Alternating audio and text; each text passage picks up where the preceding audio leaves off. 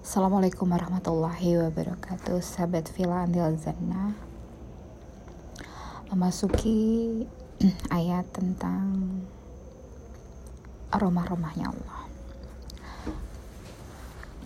jadi disebutkan bahwa orang yang paling zalim adalah orang yang melarang menyebutkan nama Allah di rumah-rumahnya Allah dan hendak merobohkannya, menghancurkannya. Dan kemudian lagi orang-orang yang zalim ini tidak pantas masuk ke rumahnya Allah. Ya, kecuali dengan rasa takut. Di dunia saja mereka sudah dihinakan. Apalagi di akhirat akan mendapatkan azab yang sangat pedih. Jadi orang yang sangat jalim adalah orang yang melarang siapa pun melakukan aktivitas ibadah. Entah itu sholat, entah itu berzikir, entah itu maulid, entah itu apa pun juga yang dilakukan atas nama Allah itu adalah orang yang paling jolim dan tentunya doa-doa orang yang zolimi itu sangatlah makbul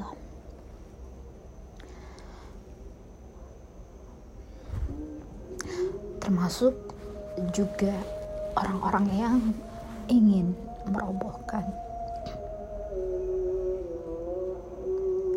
tempat-tempat di mana kita melakukan ibadah. Entah itu mereka mengusir kita ya. Ingin beribadah di mana pun, entah itu di lapangan, entah itu di masjid, entah itu di sebuah gedung. Dan ada yang menghalang-halanginya, maka balasan Allah langsung kontan. Ya. Balasan Allah sangatlah menghinakan dan di akhirat nanti mereka akan mendapatkan ajab yang sangat pedih. Untuk orang-orang yang melakukan hal ini.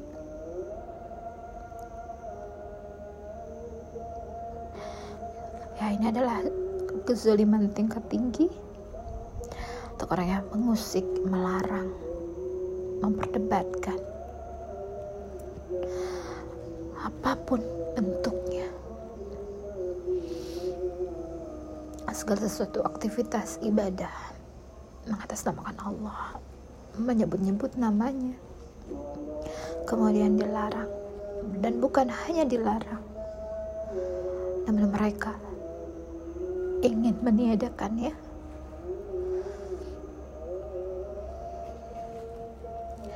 ini adalah sebuah kezoliman yang paling zolim di antara kezoliman yang lain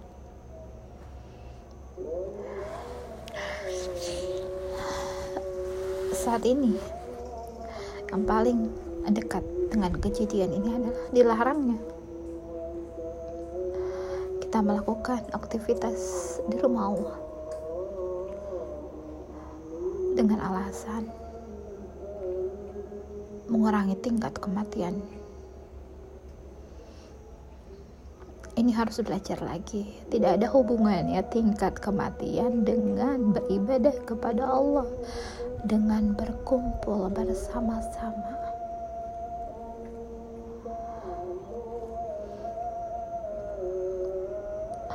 Di mana pun kita berada saat azal menjemput, maka tidak ada akan tidak akan ada yang bisa untuk menundanya, menghalanginya, atau berkata tidak.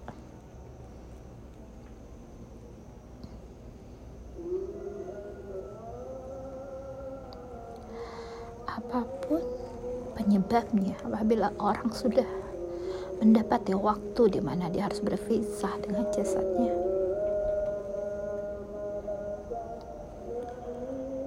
Dan menjadi sabab bisa apa saja.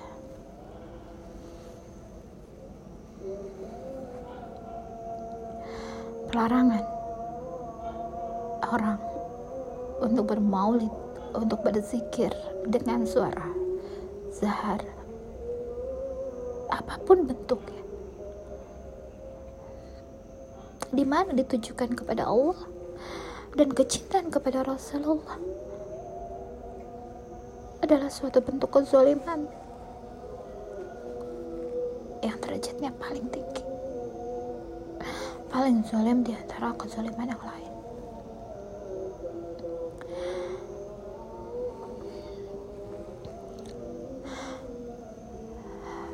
Bagaimana saudara kita di Palestina saat mengemun, saat mengumandangkan azan, saat bertakbir itu diusir oleh senjata mereka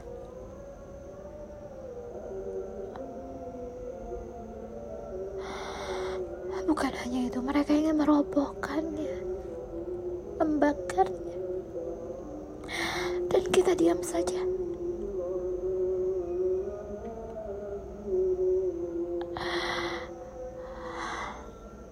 Kita berkata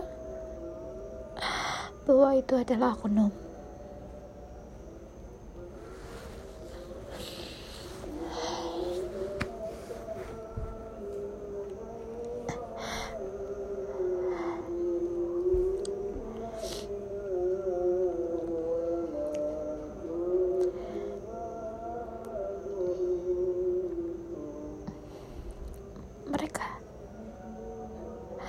Tidak ada rasa takut sekalipun memasuki rumahnya Allah tanpa membuka sepatu dengan mengajukan senjata.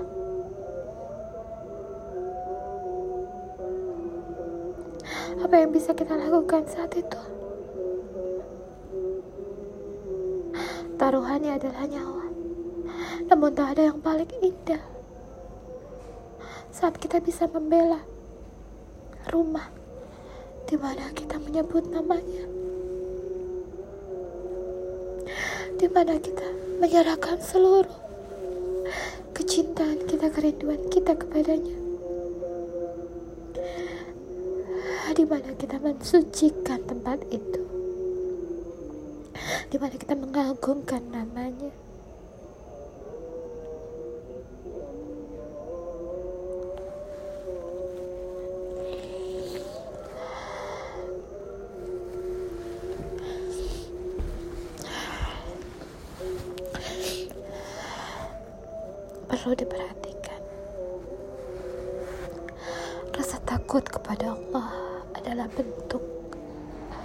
Dari perbuatan hal-hal yang kita minimalisir akan melekat pada perbuatan tersebut dosa. Saat kita melakukan sesuatu yang melekat kepada dosa, tidak ada sedikit pun rasa takut. Itu merupakan suatu hal yang perlu dipertanyakan lagi keimanannya.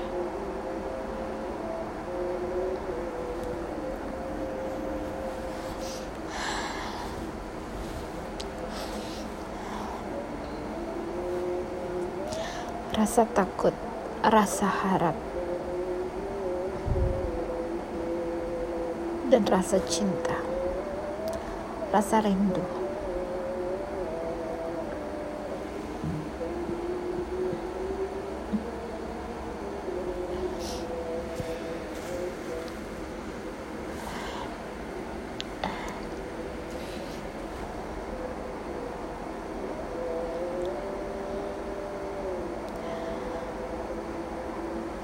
maksud eh, dalam kehinaan di dunia untuk orang-orang yang melakukan ini? Tak ada lagi yang berharga dalam hidupnya selain keangkuhannya, kesombongannya. Itu adalah situasi yang paling menghinakan untuk dirinya. Karena tak ada satupun yang berharga di dalam hatinya dengan melakukan hal-hal yang sangatlah jolim sudah mati hatinya. Situasi kondisi ini adalah hal yang paling menghinakan saat hidup di dunia. Tanpa belas kasih dan sayang atas apa yang Allah ciptakan Allah karuniakan kepada hatinya segala nikmat yang Allah berikan kepadanya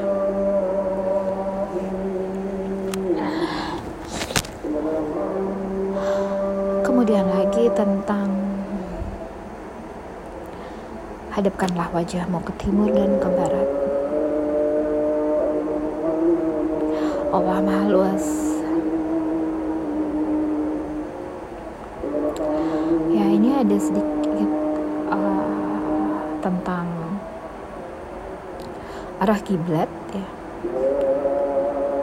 Di mana saat itu Rasulullah Shallallahu Alaihi Wasallam memohon kepada Allah agar arah kiblat dipindahkan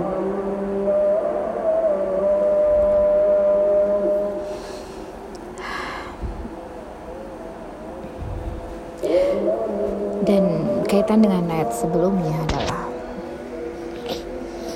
saat kita menghadapi kondisi yang di mana hal-hal yang tidak diperbolehkan kita untuk menghadap Allah di sebuah tempat yang seharusnya menjadi tempat untuk kita beribadah. Allah memberikan kita sebuah pemahaman di mana pun kita berada di mana pun kita berdiri menapak kaki kita ke bumi hadapkan hati kita kepada Allah di mana pun kita berada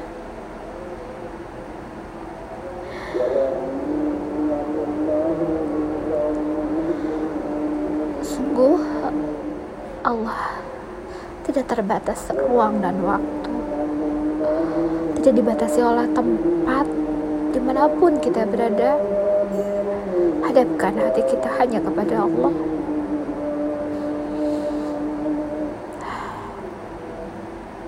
Sedih mendengar cuplikan kajian di radio tadi siang. Dikatakan zat yang berada di atas arsh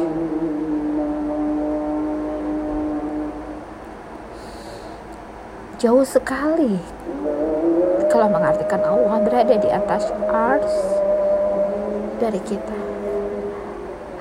Jarak kita ke arsh kalau mempergunakan apa yang kita ketahui itu tak bisa diukur oleh jarak.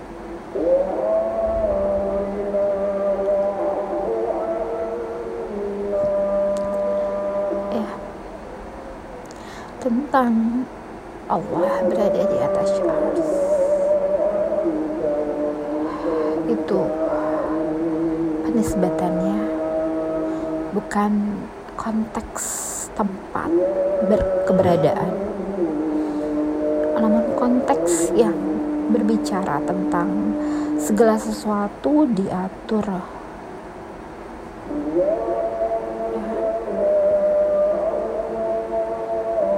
Dalam arsnya Allah.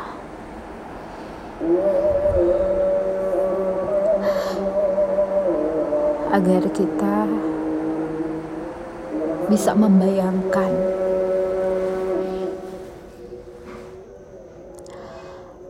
sesuatu yang agung yang sangatlah besar. Ya, di mana tertuliskan semua cerita tentang manusia.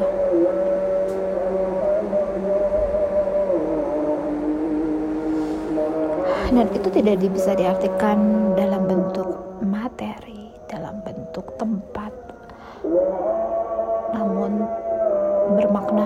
lebih luas agar kita bisa menisbatkan tentang sesuatu yang agung di mana segala sesuatu diatur.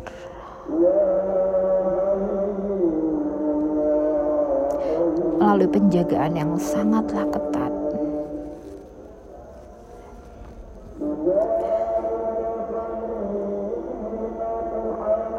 itulah pengertian yang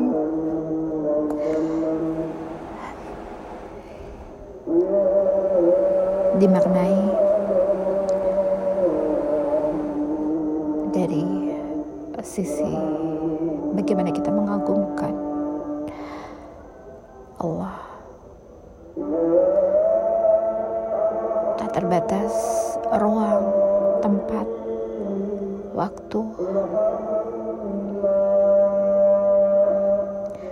karena suatu hal yang tak nampak oleh mata biasa. Tidak bisa diartikan dengan persamaan dalam bentuk materi seperti apa yang kita rasakan. Seperti halnya jasad rumah kita perusahaan yang kita dalam perusahaan mengatur segala urusan bukan seperti itu. Itu adalah sebuah perumpamaan dan hanya Allah lah yang mengetahui makna yang sesungguhnya. Namun segala sesuatu semua ada landasannya. diperlukan pengkajian lebih dalam agar kita mengetahui makna menurut sudut sudut pandang cahaya.